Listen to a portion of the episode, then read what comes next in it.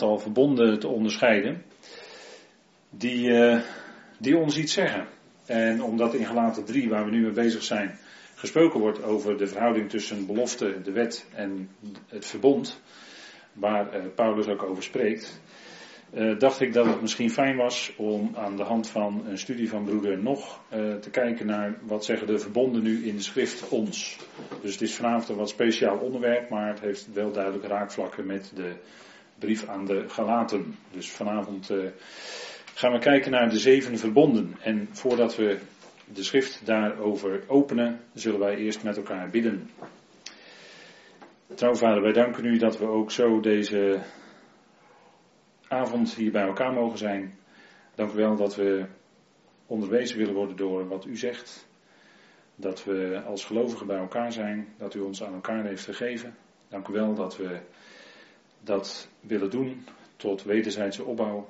Vader, er is niet alleen de ontmoeting met elkaar, maar bovenal is er de ontmoeting met u, omdat u door uw woord tot ons hart spreekt. En dat woord is het wat ons bemoedigt, wat ons kracht geeft, wat ons doet staan in lijden en verdrukking. En vader, dank u wel dat we mogen beseffen dat dat woord van u ons alles geeft wat we nodig hebben in deze tijd. Vader, en we leven in een gevaarlijke tijd als het gaat om geestelijke leringen en stromingen en gedachten. En daarom is het zo goed om nauwgezet uw woord te volgen. En die geweldige boodschap telkens weer tot ons te nemen. Omdat we daardoor leven, dat we daardoor uitzicht hebben in ons leven van alle dag op een toekomst die al onze verwachtingen ver zal overtreffen. Dank u wel, Vader, dat we daarna uit mogen zien. En vanavond ook in dit bijzondere onderwerp, als het gaat om de verbonden. Ook een onderwerp dat veel, voor veel verwarring al heeft gezorgd. Maar dank u wel dat we gewoon de schrift mogen volgen. En dank u wel, Vader, dat u ons daarin wilt leiden door uw geest. In het spreken, in het luisteren. Mag het zijn tot eer van uw grote naam.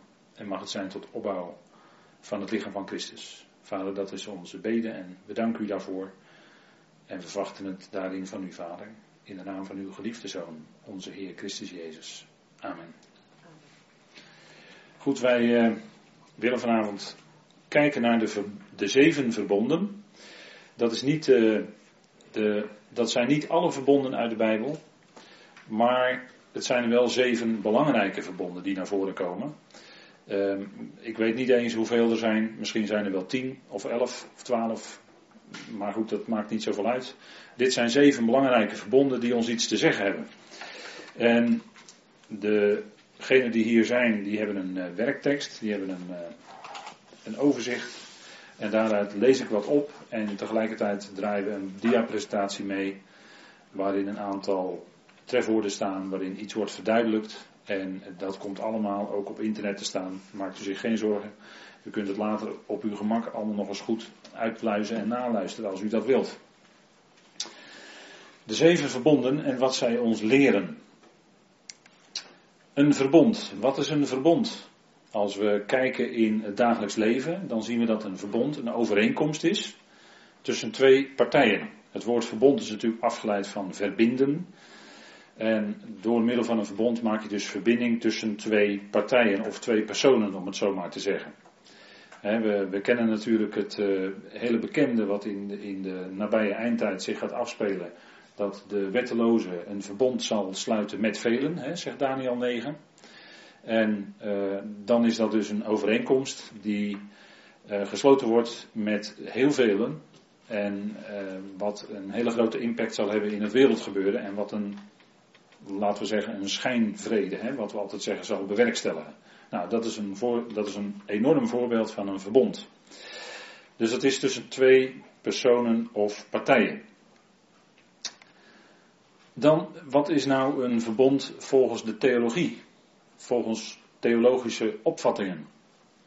En daar vinden we misschien een mengeling in van wat waarheid, maar ook misschien is dat er toch niet helemaal is het niet helemaal raak. Een verbond volgens theologie is belofte van God met te vervullen voorwaarden door de mens. Bijvoorbeeld gehoorzaamheid, bekering, geloof en dergelijke. dat is wel ongeveer wat de schrift ook naar voren brengt, maar we zullen vanavond nog wat preciezer erop ingaan. Dus het is aan de ene kant beloften van God en aan de andere kant uh, stelt men dat er bij een verbond meestal iets van de mens wordt verwacht. Nou, we gaan kijken wat het volgens de schrift dan te zeggen heeft. Het woord verbond in het Hebreeuws, dat ziet u bovenaan staan met die moeilijke letters. Dat zijn Hebreeuwse letters, dat is Brit of Berit. En daaronder ziet u de Griekse letters. Dat is uh, het woord diatheke in het Grieks, het woord verbond. En dat betekent letterlijk doorplaatsing. Dia is door en T heeft te maken met plaatsen in het Grieks. Het is een doorplaatsing en we gaan wel kijken en ook zien hoe dat, waarom dat woord zo in elkaar zit. Dat is natuurlijk niet voor niks. Dat is, uh, dat is uiteraard een, uh, uh, heeft natuurlijk een duidelijke betekenis. Een verbond heeft dus, dat is dus deze begrippen, wordt dat benoemd. En de Nederlandse vertaling is dan het woord verbond.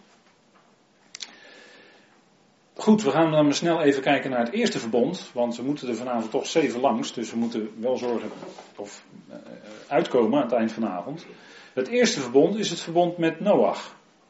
En dat lezen wij in Genesis 6, vers 18 tot en met 22. En ik stel even voor dat we dat gewoon met elkaar lezen.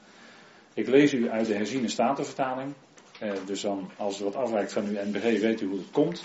En als het wat afwijkt van uw eigen statenvertaling die u meeleest, weet u ook hoe het komt. Het zit daar min of meer een beetje tussenin. Nou, Genesis 6. De context die acht ik wel bekend voor u. En dat eerste verbond, dat zegt ons natuurlijk al het nodige. Want meestal is het wel zo dat als iets de eerste keer in de schrift wordt genoemd, dan is dat wel iets belangrijks. Hè? Dan opent dat wel een bepaalde waarheid. En in Genesis 6 zien wij dus dat uh, Noach heeft de zondvloed met zijn gezin overleefd. En dan zegt de Heer in Genesis 6, of hij gaat de, sorry, hij gaat de grote vloed overleven. Het is hier nog voor de vloed, excuus. En dan sluit de Heer met hem een verbond. Maar er staat in vers 18, maar met u zal ik mijn verbond maken. En u moet in de ark gaan. U, uw zonen, uw vrouw en de vrouwen van uw zonen met u. En u moet van al wat leeft, van alle vlees, twee van elk in de ark laten komen, om met u in leven te blijven. Een mannetje en een vrouwtje moeten het zijn. Van de vogels naar hun soort, van het vee naar zijn soort, van de kruipende dieren van de aardbodem naar hun soort, zullen er twee naar u toekomen om ze in leven te houden. En u neemt voor uzelf van al het voedsel dat gegeten wordt en verzamel dat bij u, zodat het voor u en voor hen tot voedsel zal zijn. En Noach deed het, overeenkomstig alles wat God hem geboden had, zo deed hij. In dit stukje lezen we dus het eerste verbond. En het verbond, uh, er staat in vers 18, met u zal ik mijn verbond maken. Er staat eigenlijk uh, ja, een woord wat toegaat naar oprichten. Um, als we helemaal gelijk doorsteken naar de Griekse schrift, dan heeft het te maken zelfs met opstanding. Dat is het woord kum. En als ik tegen u zeg talita kumi, dan zeg ik genoeg, denk ik. Hè? Nou, dat woord kum zit daar dus in. Hè? Het, is dus niet, ja, het is dus niet maken, maar het is veel meer oprichten of doen reizen. En u moet in de ark gaan. En hier zien we op deze dia een replica van de ark. Ongelooflijk, gebouwd door een Johan Huibers. En die vaart daarmee dan door Nederland. Nou, dat is natuurlijk toch een, eh, een, een levend plaatje van wat, uh, van wat het geweest zou kunnen zijn. En dat is toch wel heel bijzonder, denk ik. Het verbond met Noach. En de naam Noach, dat weet u misschien wel. Maar dat heeft verbinding met het woord troosten. Dus Noach is eigenlijk degene die troost brengt. En dat is eigenlijk heel mooi, want uh, God die wilde dus niet iedereen van de aarde wegvagen, maar Noach en zijn gezin bleven bestaan. En dat waren acht zielen, hè? dat zegt Peter zo, die had geteld, die zei het zijn er acht. Nou, dat klopt.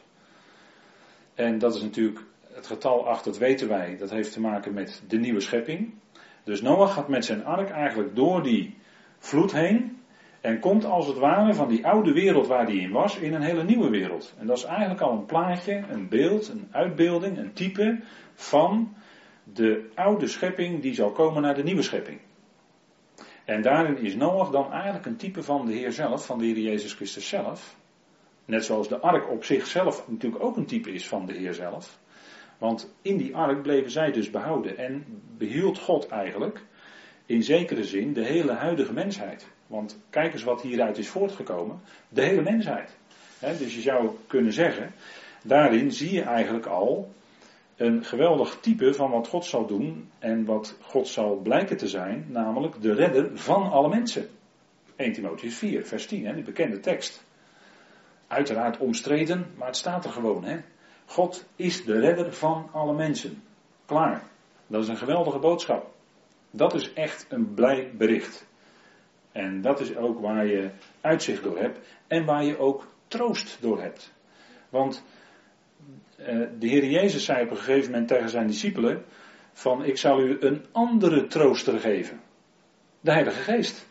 En dat impliceert, door het woord andere, dat impliceert dat hij zelf ook al de trooster was. En hij zou doorgaan met troosten, maar dan later, toen hij weggegaan was van de aarde en nu aan de rechterhand van de Vader is, is die Heilige Geest onze trooster. En hoe doet die Heilige Geest dat? Dat doet hij door de schrift, door het woord. Daardoor troost hij ons. En Noach, de naam Noach, heeft verband met dat troosten. Hè?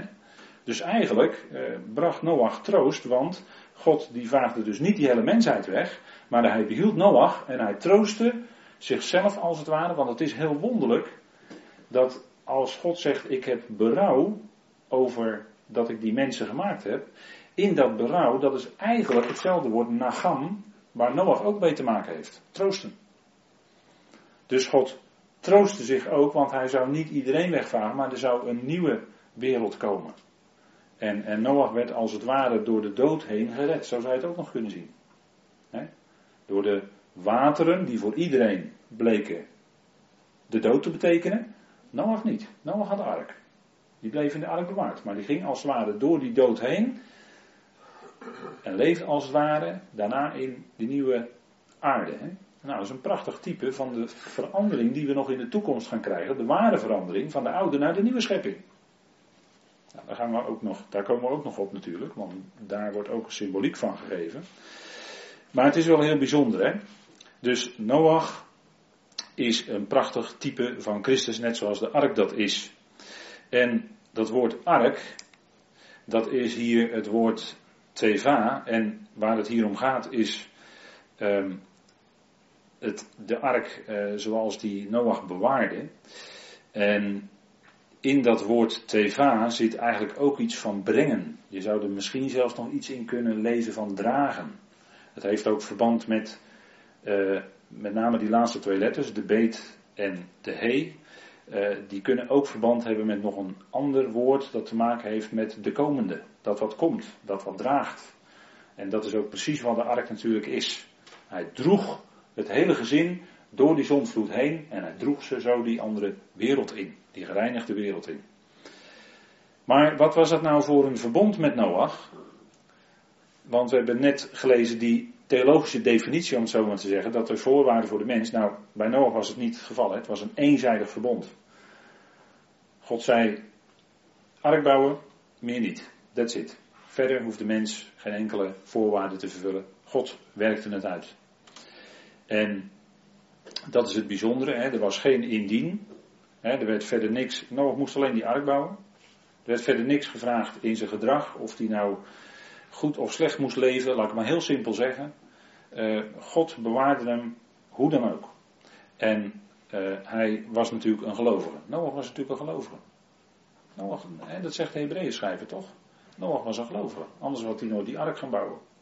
Dus het had wel degelijk invloed. Hij wist wat er zou komen. Had God tegen hem gezegd. Hij kreeg nog 120 jaar. Hij wist wat er zou komen. En op basis van datgene wat zou komen in de toekomst. Zo leefde hij. En daarin is hij ook een voorbeeld voor ons, hè? want dat geldt voor alle gelovigen. Wij verwachten iets geweldigs in de toekomst, de redding door God, de redding door de Heer. En dan leven wij vervolgens ons leven gericht met die verwachting. Zo leef je als gelovige volgens de schrift. En dat betuigt de Hebreeën schrijver ook. En dat is voor ons ook, hè. Wij hebben een geweldige verwachting. En dat sterkt ons, dat troost ons in ons lijden. Dat troost ons in verdrukkingen. want elke keer beurt God ons als het ware op. Elke keer tilt God ons hoofd als het ware op. En zegt hij, kijk naar boven, kijk naar mij. Ik ga jou een geweldige toekomst geven. En dan heb je weer kracht om verder te kunnen. En moet ik een hele rij teksten gaan noemen, dat hoeft denk ik toch ook niet. Hè? Als ik alleen Romeinen 8 noem, dan weet u al genoeg, denk ik. Hè? Lijden, maar in de toekomst komt heerlijkheid. En dat geeft ons kracht nu. Nou, zo was het ook voor Noach. Die leefde als een gelovige. Hij zag het niet. Het had nog nooit geregend. Maar hij geloofde God dat het zou gaan regenen. Dat alles onder water zou lopen. Dat, dat, is, dat is natuurlijk toch iets bijzonders. Hoe Noach dan geleefd heeft. Nou, zijn hele gezin werd gered. En uh, het woord ark is helaas in de vertalingen op twee manieren gebruikt. Voor deze ark en voor de ark later de ark van het verbond. Maar dat is een ander woord in het Hebreeuws, dat zullen we nog gaan zien. Nou, na de vloed, na de grote vloed kwam er weer droogte. Hè? De zon ging weer schijnen. En dan krijg je het volgende verbond. Verbond nummer 2. En dat is het verbond met een heel mooi teken toen uh, die duif aankwam vliegen met die olijftak bij de ark, toen wist Noach dat het water aan het zakken was en dat het weer droog zou vallen. En dat had God ook beloofd. Nou, het tweede verbond is met Noach en met zijn zonen en eigenlijk ook met heel de mensheid die daaruit voort zou komen. want als we het zo bekijken, is Noach ook onze voorvader. we zeggen altijd Adam, dat klopt. Maar Noach is ook onze voorvader. En na hem werden dus de volkeren verdeeld, Sem, Gam en Jafet. in drie grote, grove groepen, zeg maar. Nou, Genesis 9, daar gaan we ook even naartoe met elkaar. Genesis 9, en daar lezen wij vanaf vers 9. Of vanaf vers 8, nadat hij eerst had gezegd van, eh, net als bij Adam, eh, wees vruchtbaar, word talrijk, vermenigvuldig je. Nou, dat is daarna ook gebeurd, hè? net als na Adam. Dat is een soortgelijke uh, aanzegging, zeg maar. En het menselijk bestuur werd ingesteld, hè, als uh, die voorgaande versen. Maar daar gaan we nu niet te diep op in. Maar vanaf vers 8 lezen we over dat verbond, hè, want we moeten vanavond ons beperken tot de verbonden. En dan staat daar, en God zei tegen Noach en zijn zonen met hem, en zie, ik maak mijn verbond met u en met uw nageslacht na u. En het woord nageslacht is het woord zero in het Hebreeuws, dat is zaad en dat staat daar in het meervoud. Het is hier, ik lees het hier in het enkelvoud, maar het staat eigenlijk in het meervoud. Met uw nageslachten na u, met uw zaden na u. En met alle levende wezens, en daar staat eigenlijk zielen, met alle levende zielen die bij u zijn, de vogels, het vee en alle dieren van de aarde met u, van alles wat uit de ark is gegaan tot alle dieren van de aarde toe. Dus het was heel breed, hè? Met, die, met Noach, zijn zonen, heel de mensheid. En we zien zelfs ook dat alle dieren en de aarde erin betrokken zijn. Ik maak mijn verbond met u. En nogmaals, zowel in vers 9 bij dat woord maken als hier heb je weer dat woord koem, hè, dat oprichten, dat opstaan dat niet meer alle vlees door het water van een vloed zal worden uitgeroeid en dat er geen vloed meer zal zijn om de aarde te gronden te richten. En God zei, dit is het teken van het verbond dat ik geef tussen mij en u en alle levende ziel, zielen die bij u zijn, alle generaties door, tot in eeuwigheid. En dat is niet tot in eeuwigheid, maar dat is tot de aion, of het is eonisch kan natuurlijk nooit voor eeuwig zijn, want de, dat teken is er niet meer in de nieuwe schepping. Mijn boog, dat is dan het teken van dit verbond, heb ik in de wolken gegeven. Die zal dienen als teken van het verbond tussen mij en tussen de aarde. Dus er wordt ook iets, duidelijk iets gezegd over de aarde. Namelijk dat die aarde dus niet meer zal uh, overstroomd zal worden door water. Het zal gebeuren als ik wolken boven de aarde breng en de boog in de wolken gezien wordt, dat ik aan mijn verbond zal denken, dus mijn verbond zal herinneren. En dat er is tussen mij en u en alle levende zielen van alle vlees. Het water zal niet meer tot een vloed worden om alle vlees te gronden te richten. Als deze boog in de wolken is, zal ik hem zien en denken aan het eeuwig verbond. Maar dat is een eonisch verbond. Het is een verbond. En er wordt het woord Olam dan hierbij genoemd. Tussen God, Elohim, Elohim, en alle levende zielen van alle vlees dat op de aarde is.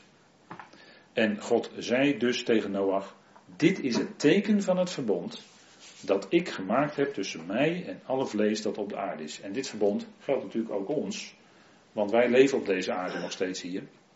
En wij zien de regenboog.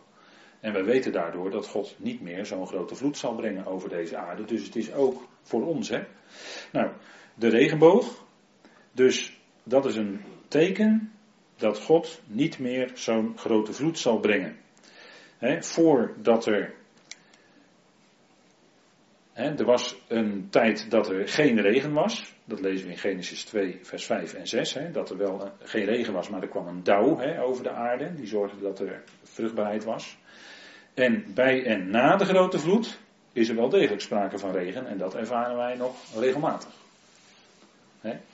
En als we op vakantie zijn, dan komt het ons niet zo goed uit. Maar goed, het regent toch en de boeren die zijn er dan wel blij mee. Dus uh, uh, die regen die zegt ons, en tegelijkertijd die regenboog, die zegt ons dat er nooit meer een grote vloed komt. Dus dat teken wat God hier heeft ingesteld, al zo lang geleden, dat is er nog steeds. En dat zegt ons iets geweldigs. Dat God deze aarde bewaart, maar we weten ook, en dan kijken we iets verder, dat God deze aarde ten vure bewaart, want deze aarde zal wel degelijk nog een keer vergaan. En dan de hemelen erbij. Door vuur, zegt Petrus dan, hè? in de grote dag, als de grote dag van God gaat komen. Dus de aarde zal nog wel degelijk vergaan, maar niet meer door water.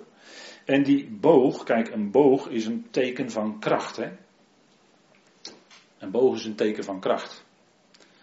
Denk maar aan een pijl en boog. Je hebt die boog nodig om die pijl met flinke snelheid af te schieten. Dus die boog, dat symboliseert kracht. Dat zijn ook bijvoorbeeld de horens van een ram, die zijn ook gebogen. En dat symboliseert ook die kracht van die ram. Dus in een boog, dat, dat tekent kracht. Hè? En die regenboog tekent natuurlijk Gods kracht. Dat God het water tegenhoudt. Dat God zegt, nee, ik heb de grens aangesteld. Hè? Daar, daar heel duidelijk. En um, dit is dus dat verbond wat we gelezen hebben. Er is wel sprake van regen, maar er komt geen vloed meer zodat alles vergaat.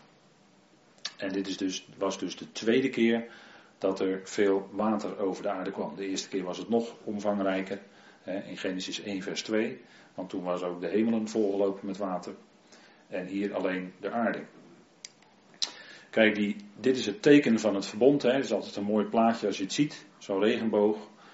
En het mooie is dat er ook zeven kleuren in zijn. Hè. Zeven is ook Gods volkomen werk in deze schepping. Hè. Dat is het getal zeven altijd. En de regenboog die uh, komt nog vaker voor in de schrift. En daar heeft het ook iets te maken uh, met de heerlijkheid van Christus. Bijvoorbeeld in uh, Ezekiel 1, vers 27 en 28. Daar lezen we ook over de regenboog. Laten we heel even naartoe gaan. Dan kunt u het heel even zien. Ezekiel 1. U weet wel dat, dat hele moeilijke, ingewikkelde visioen wat Ezekiel daar ziet, hè, in Ezekiel 1. Met al die raderen en, en vleugels en, en vier gezichten. En, nou, het is allemaal heel ingewikkeld. Maar het zegt, als je het gaat bestuderen, dan zegt het natuurlijk wel heel veel. En uh, dat is niet voor nu, maar het is wel heel boeiend om je daarmee bezig te houden want het zegt wel heel veel. Het zegt ook iets over de heerlijkheid van de Heer. Want Ezekiel was wel de profeet die van God veel mocht profeteren over de geest en over de heerlijkheid die gaat komen. Voor als het gaat om het volk Israël. Hè? Dat hij die twee tot één zal maken, dat hij zijn geest in hun binnenste zal geven. Even kijken, vers 27 van Ezekiel 1. Toen zag ik iets als de schittering van edelmetaal, rondom van binnen als het uiterlijk van vuur. Vanaf datgene wat eruit zag als zijn heupen naar boven, want hij zag een gestalte. En vanaf datgene wat eruit zag als zijn heupen naar beneden, zag ik iets als het uiterlijk van vuur.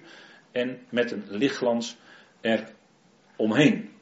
Zoals het uiterlijk van de regenboog, die in de wolken verschijnt op de dag van de regen, zo was het uiterlijk van de lichtglans rondom. Dat was de verschijning van de gedaante van de heerlijkheid van de Heer, van JW.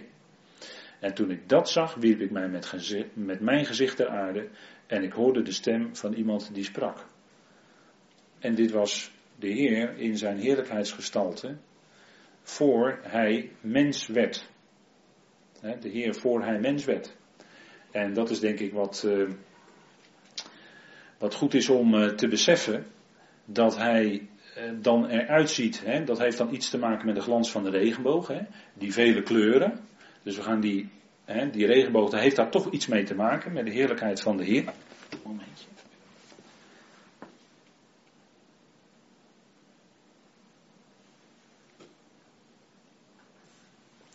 En dat heeft dus inderdaad iets te maken met die regenboog, met die vele kleuren.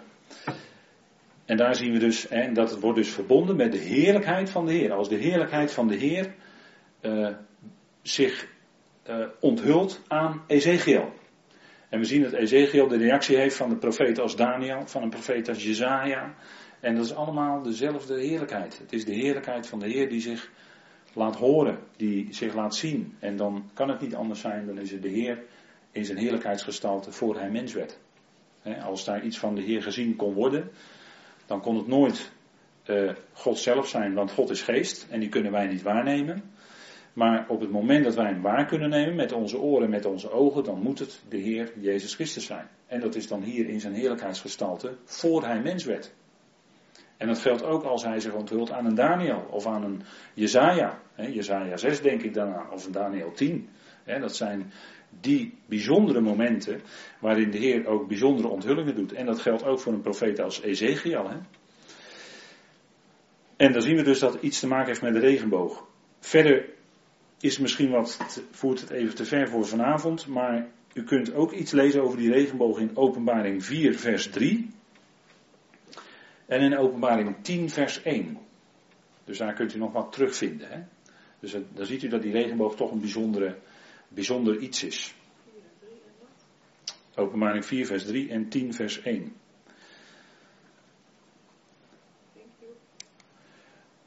Dus de regenboog zegt ons, de aarde vergaat niet meer door water, maar de hemelen en de aarde zullen nog wel door vuur vergaan. Dat is in de toekomst.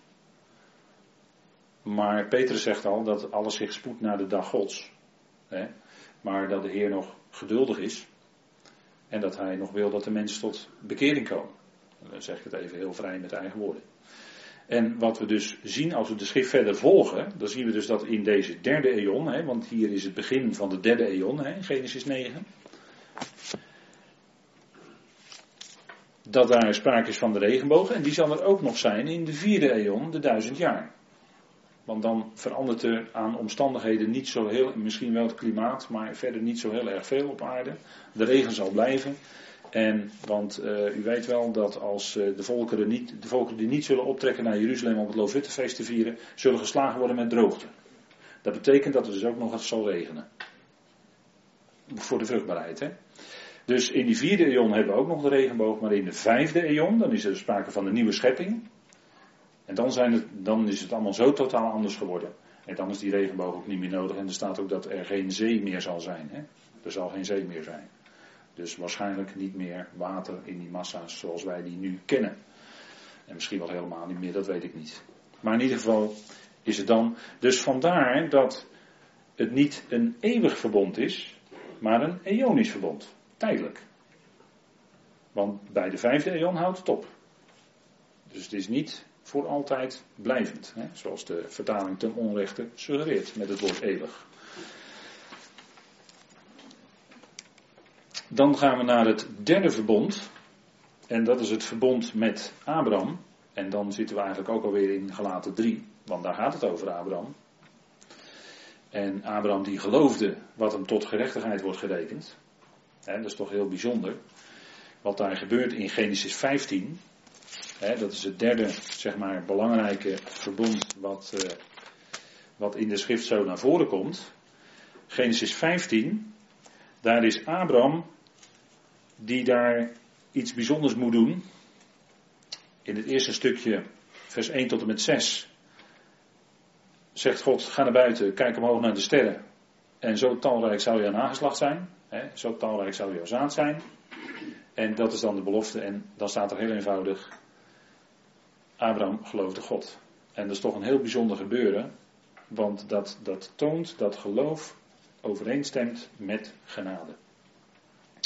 Op het moment dat het plaatsvindt, vers 1 tot en met 6, dan is alleen God die spreekt. God doet verder niets. God doet verder niets. Hij spreekt alleen. Abraham doet verder helemaal niets. Hij hoort alleen de woorden van God en hij gelooft ze. Dus hij doet niets verder. Hij hoort die woorden en die gelooft hij. Nou, zo werd Abraham gerechtvaardigd door geloof. En God rekende dat geloof, wat hij dus in onbesneden staat had, toen was hij nog niet besneden, want dat komt pas in Genesis 17. Daar, in die hoedanigheid, onbesneden dus, rekende hij hem dat geloof tot gerechtigheid. Dus er was geen enkele voorwaarde. God riep Abraham. Abraham geloofde en verder geen enkele voorwaarde. Niets. Geloof heeft ook geen voorwaarden. En ik denk dat we dat in Romeinen en ook in de Galaten al uitgebreid hebben kunnen laten zien. Hè? Zeer uitgebreid. Paulus die gaat daar heel diep op in. U kent die hoofdstukken en uh, ik denk dat dat toch iets geweldigs is, want wij geloven op diezelfde manier. Dat is voor ons het belang. Hè? En zo is Abraham onze vader. Niet naar het vlees, maar hij is onze vader in het geloof. Zo geloven wij ook. Wij zien God niet, wij horen Hem spreken en wij geloven dat. Nou, dat is eigenlijk een wonder. Maar dat is een wonder wat God door zijn geest in ons werkt. Anders zouden we niet kunnen. Anders zouden we niet kunnen geloven. En dat, betekent dat we dus totaal van Hem afhankelijk zijn. En dat is eigenlijk wat je zou kunnen noemen, hè, dat derde verbond in Genesis 15, eh, vers 7 tot en met 21, is het verbond van het land. Hè, want daar gaat het dan in vers 18 om, maar daar komen we nog op. En wat, dan moet Abraham iets doen. Hè, hij is een gelovige. En dan moet hij iets bijzonders doen. Verder zei hij tegen hem, dat is uh, de Heer, hè, dat is God. Ik ben JW Elohim, staat er eigenlijk. Hè, die u uit Ur van de Galdeeën geleid hebt, om u dit land te geven, Genesis 15 vers 7, om het in bezit te hebben. En eigenlijk staat er dan om het als lot te genieten. Dat is een belangrijk verschil. Want het is, Abraham kreeg het land niet in zijn bezit, maar hij kreeg het beloofd als, om het als een lotdeel te genieten. En dat geldt voor Israël ook. Dat is een belangrijk punt. En hij zei, Heere, Heere, waardoor zal ik weten dat ik het in bezit zal krijgen? Of dat ik het hè, mij toegeloot zal worden? En hij zei tegen hem, haal voor mij een driejarige jonge koe, een driejarige geit, een driejarige ram, een tottelduif en een jonge duif. En hij haalde al deze dieren voor hem, deelde ze doormidden en legde de stukken tegenover elkaar. De vogels deelde hij echter niet.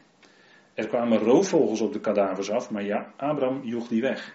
En het gebeurde toen de zon bijna onderging dat er een diepe slaap op Abraham viel en zie, een grote schrikwekkende duisternis viel op hem.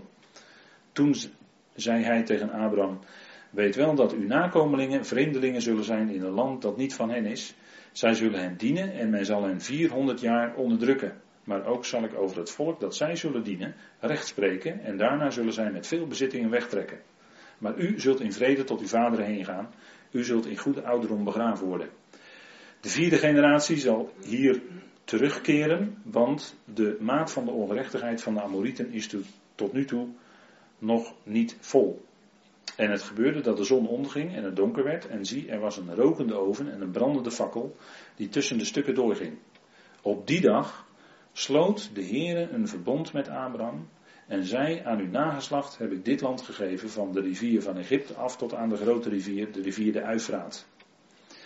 De Kenieten, de Kenizieten, de Katmonieten, de Hethieten, de Verizieten, de Refaïten, de Amorieten, de Canaanieten, de Gergezieten en de Jebusieten. Tien volkeren. Die moesten, uit, die verdreven worden. Dat gebeurde ook natuurlijk later.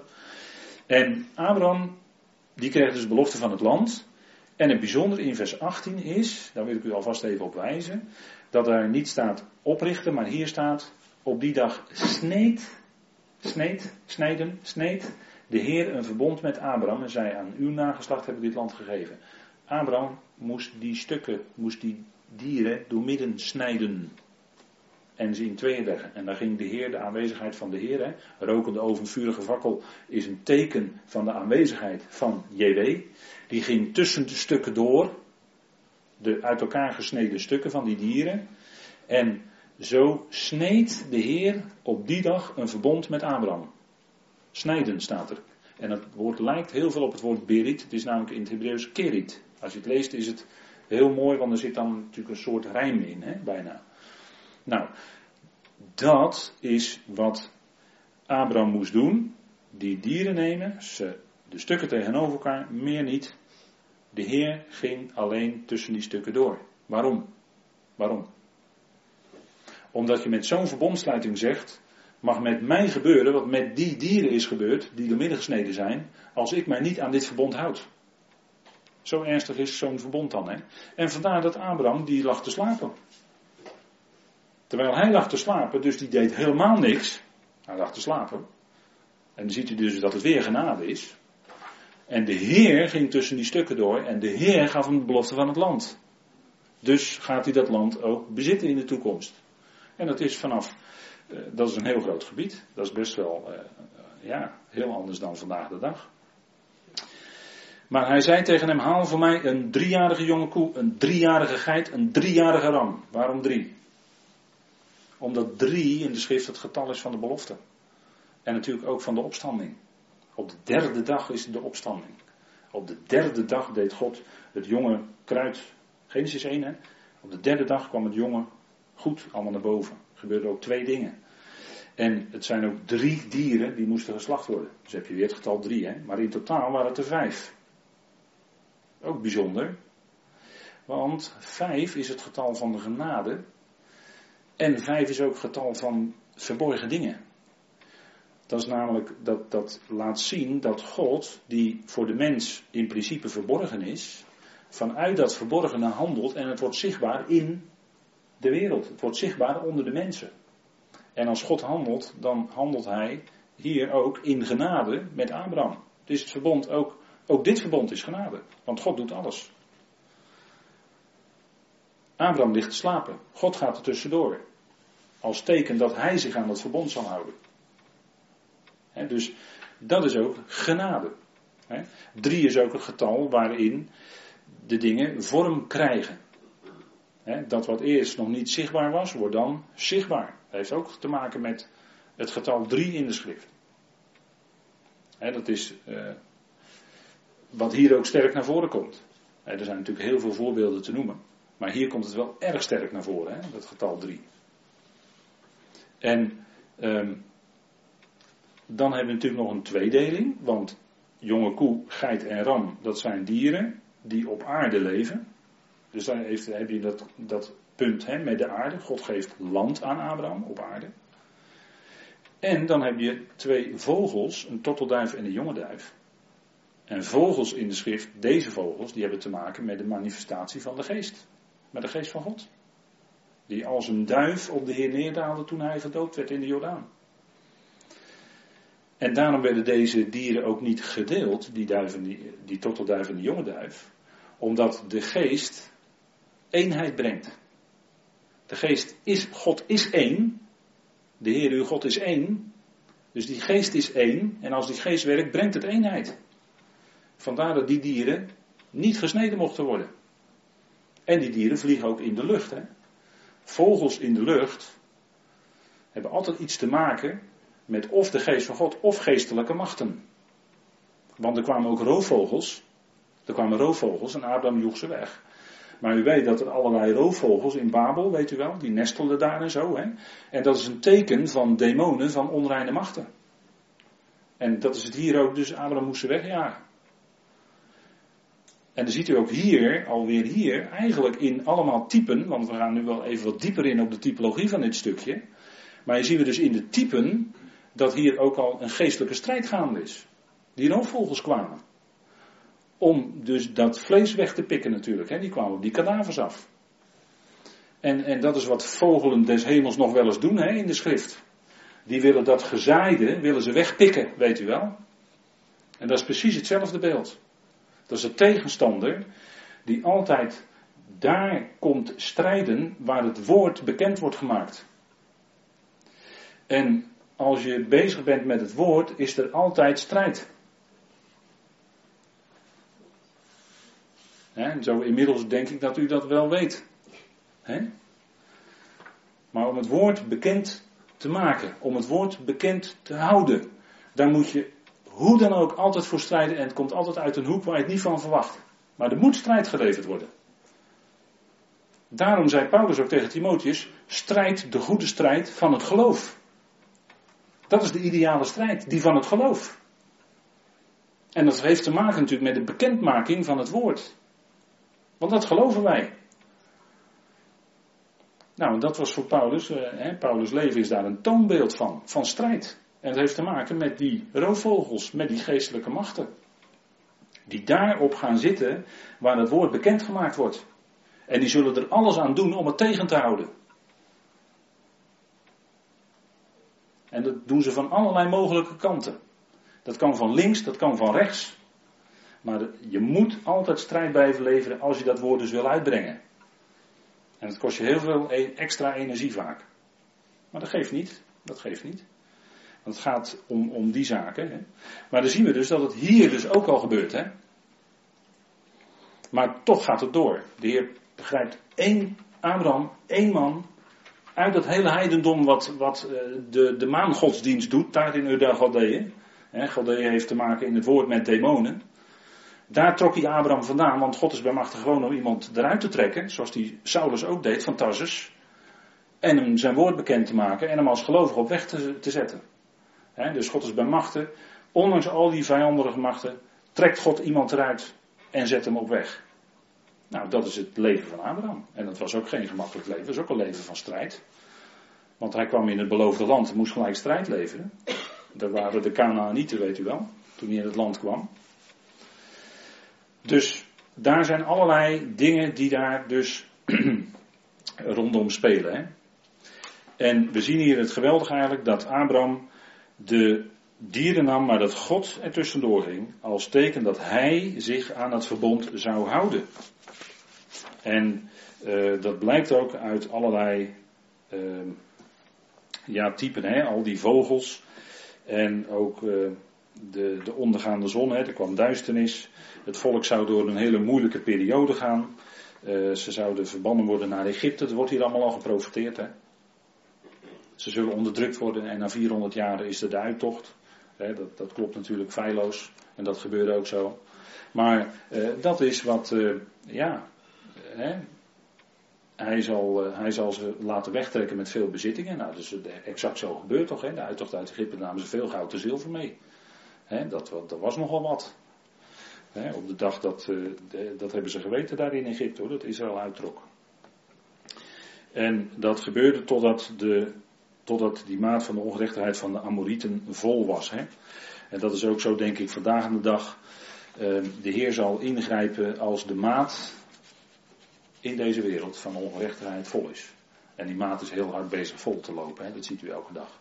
Dat de mensen zeggen, waar moet het toch heen? Het wordt chaos. Ja, dat moet het ook worden.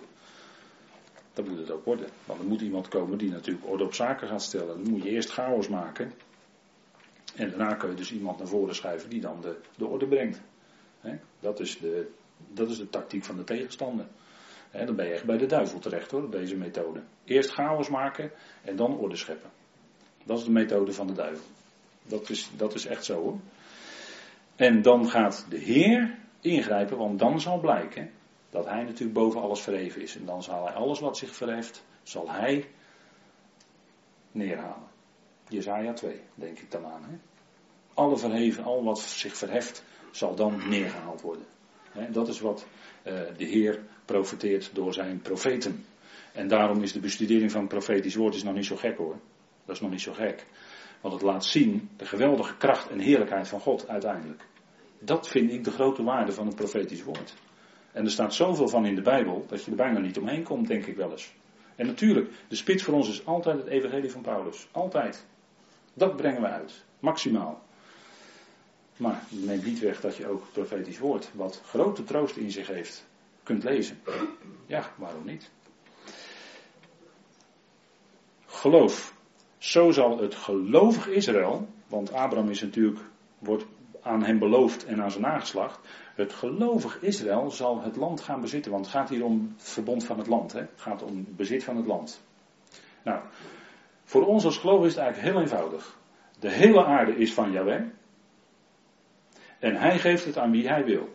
Dus als we het hebben over het land Israël, Palestina, dat is van God, zegt hij ook in Leviticus. Het is mijn land, zegt de Heer. Het is mijn land. En als hij het aan Israël geeft, aan het gelovige Israël straks, dat is zijn zaak. Om als lotdeel te genieten dan. En hij is de eigenaar. God is de eigenaar van alles. Nou, als hij het aan Israël geeft, dan geeft hij het aan Israël klaar.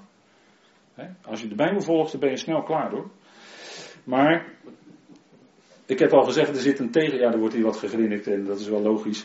Maar de tegenwerker die zit dus dwars. En daarom is de strijd en het duurt het, is het moeizaam, is er een heel, heel, heel erg langdurig vredesproces. Maar daar komt omdat die tegenwerker daar natuurlijk op zit en het land wil verdelen aan anderen aan wie het, God het niet geeft, eigenlijk. Maar Abraham kreeg deze belofte van het land voordat hij besneden was.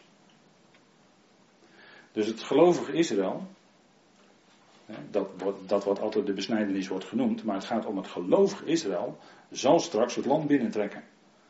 En het ongelovige Israël zal eruit verdreven worden of gedood worden. Twee derde, zegt Zacharia 13, ik zocht laatst naar die tekst, maar ik heb hem gevonden. Twee derde, Zacharia 13, zal in het land gedood worden. Dat staat daar. Twee derde van de Joden die in het land leven. Ik kan het niet mooier maken dan dat het is. Het staat daar gewoon. Dat gaat gebeuren. We kunnen er niet omheen.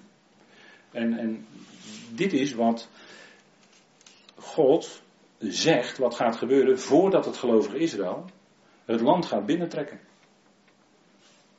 Maar dat zal gebeuren onder de leiding van de grote Jozua, de Heer Jezus Christus zelf, die vooraan zal gaan en zullen zo het land binnentrekken. Gelovigen. Aan hen zal hij het land als lot toedelen. En eigenlijk zien we daar dus in dat het niet gaat om de letterlijke besnijdenis, maar het gaat om de besnijdenis van het hart. Het gaat om de besnijdenis van het hart. De bedekking moet van het hart weggenomen worden. Er ligt een bedekking over hun hart, maar daar komen we ook nog op vanavond. En dat moet weggenomen worden. En als die bedekking weggenomen wordt, dan zullen ze hun Heer kennen en zien. En dat is geloof. Het heeft helemaal niets te maken met de letterlijke besnijdenis. Want dat doet, doet, er, is, doet er alleen toe als type van wat de ware besnijdenis is. Daarom is die letterlijke besnijdenis er eigenlijk. Maar goed, dat, uh, hè, het teken van de besnijdenis.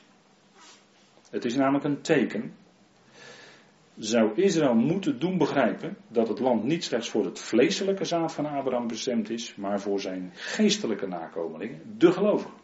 Dat is de grote les die zit in dit, deze geschiedenis met Abraham ook. Hè. Het is dus niet voor Ismaël, want die was wel besneden weliswaar, maar voor Isaac, want Isaac was de zoon van de belofte. Isaac was degene die geroepen was en Ismaël was de naar het vlees verwekte.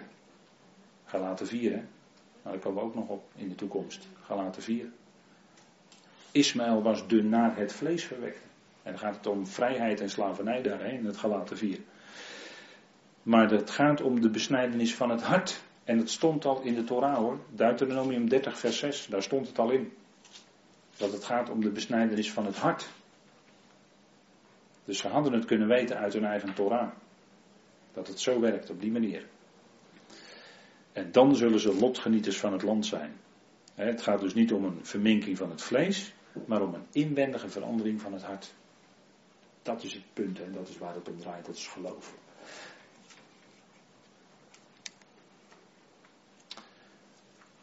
Abraham legde dus die stukken van die dieren tegenover elkaar. De vogels deelde hij echter niet. Hè? Ik heb u gezegd dat het te maken heeft met waar het een type van is.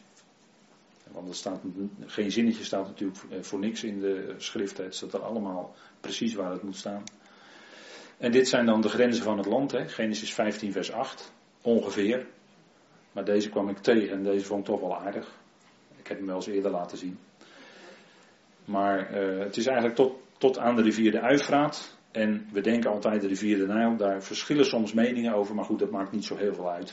Want uh, uh, we gaan er in principe vanuit, in ieder geval de rivier van Egypte. Nou, als we even vanuit gaan dat het de Nijl toch is, dan is het een heel groot gebied, hè? Wat aan Abraham is beloofd. En dat zou hij ook krijgen. Dat is denk ik luid en duidelijk wat er staat. Dus wat dat betreft zit er nog veel muziek in. Goed, dan gaan we naar het vierde verbond. En het eh, vierde verbond, dat is de besnijdenis, dat is het teken. Dat is dus het afsnijden van een stukje vlees. Dat is het verbond dat gesloten wordt in Genesis 17. Het afsnijden van een stukje vlees, zoals het bij de Joden en ook bij andere volkeren gebeurt dat, hè, besnijdenis. Maar we beperken ons tot de Joden natuurlijk, de, de besnijdenis. Die kennen dat en het afsnijden van een stukje vlees is eigenlijk een type, want dat is de geestelijke betekenis, de afsnijding van het totale vlees. Dus het, is, eh, het gaat om de besnijdenis van Christus. Er wordt natuurlijk in de Bijbel gezegd op de achtste dag werd hij besneden. Klopt, letterlijk. Hè? Dat is de besnijdenis van Jezus. Maar het gaat eigenlijk om de besnijdenis van Christus. Colossense 2. Hè? De afsnijding van hem aan het kruis. En hij kwam uit het graf als de eersteling van een nieuwe schepping. Maar dat was nadat dat vlees was afgesneden en met hem werd die hele oude mensheid, werd het hele vlees, werd afgesneden. dat is zoals God rekent. En dat beleiden wij, dat erkennen wij. En in zoverre wij dat kunnen erkennen, want dat is ook een proces dat je dat gaat verstaan, dat je dat ook gaat zien hoe dat werkt in je leven, dat je daarmee rekent. Ja, daarmee, dan kun je ook mee wandelen. Hè? Dan kun je ook wandelen met hè, en rekenen zoals God rekent. Hè, dat lezen we ook in Romeinen 6. Dat zijn dezelfde principes. Dat die oude mensheid mede gekruisigd is met Christus. Nou, dat heeft alles mee te maken dat aan het kruis sprake was van de besnijdenis van Christus. En dat wij zijn met Hem daarin meebegrepen. En wij zijn ook mede opgewekt hè, met Hem. En dat is op dit moment een geestelijke zaak. Maar dat heeft, voor zover wij rekenen ermee, want Paulus zegt dat we daarmee zouden rekenen, voor zover we daarmee rekenen, zal dat invloed hebben in onze levenswandel zal dat die nieuwe levenswandel zichtbaar doen worden. En dat is natuurlijk de kracht van zijn geest die in ons werkt. Want zonder dat kunnen we het niet. Maar dat we dit geestelijk kunnen verstaan, kan ook alleen maar door de inwerking van de geest van God. Door geloof. Dat is de enige weg. Nou, dus dat letterlijke besnijdenis, Genesis 17, was een belangrijk gebeuren. Want hoe onthult God zich daar in Genesis 17, vers 1 als Al Shaddai? En dat is Shaddai, dat is een heel mooi woord, want dat betekent genoeg of genoegzaam. Dat we zeggen, hij is God, al, hè, al is de allerhoogste God, de onderschikker. En Shaddai is de genoegzame, dat wil zeggen dat hij genoeg is. Dus dat hij alle kracht geeft dat Hij het in ons leven doet. En toen zei hij ook tegen Abraham: wandel voor mijn aangezicht. En tegelijkertijd moest Abraham de besnijdenis uitvoeren. Als teken dat niet hij zelf het kon, want zijn vlees werd afgesneden, maar dat hij, dat God het doet. Al Shaddai. En Abrahams naam werd veranderd want in Abrahams naam kwam de letter He. En de letter He heeft als waarde vijf. En dat zegt natuurlijk ons iets over genade. Dat het genade is. En ook bij Sarai, hè. Sarai heet eerst Sarai, met een J aan het eind. En haar naam werd ook veranderd in Genesis 17 in Sarah. En eindigt niet langer op een J, maar op een He. En de J is de tien in het Hebreeuws, maar de He is de vijf. Daar heb je hem weer, hè? De vijf. De genade van God. Nou, dat is, dat is eigenlijk prachtig, hè, zoals dat dan uh, als het ware verborgen zit in die taal. Maar dat is natuurlijk heel belangrijk wat daar gebeurt. Want een van de eerste dingen is, nadat God uh, gezegd had, wandel voor mijn aangezicht en wees oprecht, zegt hij, ik zal een verbond sluiten. En dan zegt hij gelijk, ik zal je naam veranderen. Ik verander jouw naam nu. Dat is heel belangrijk. Abraham hè, is het. Een vader van, hè, een verheven vader van volken. Dan is het niet vader van, het is niet verheven vader, maar dan is het verheven vader van volkeren. Dus dan zou die kunnen gaan voortbrengen.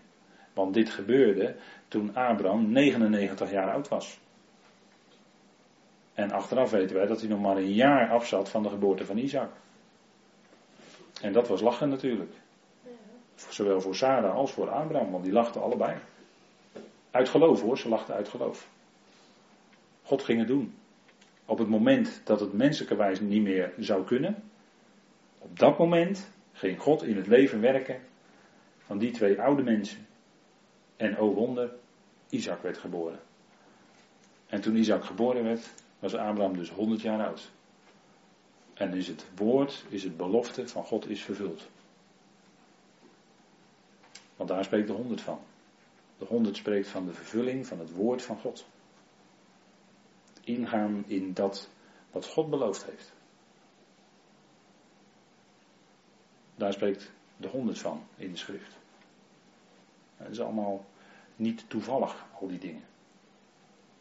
En Sarah is ook de enige vrouw waarvan de leeftijd vermeld wordt in de schrift. 127 jaar werd ze. De enige. Nou, dat is natuurlijk ook niet, denk ik, zonder betekenis.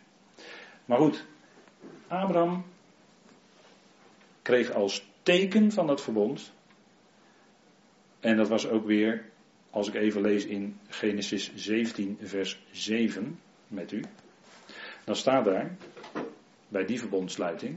Ik zal mijn verbond maken tussen mij, u en uw nageslacht na u, al hun generaties door, tot een eeuwig verbond.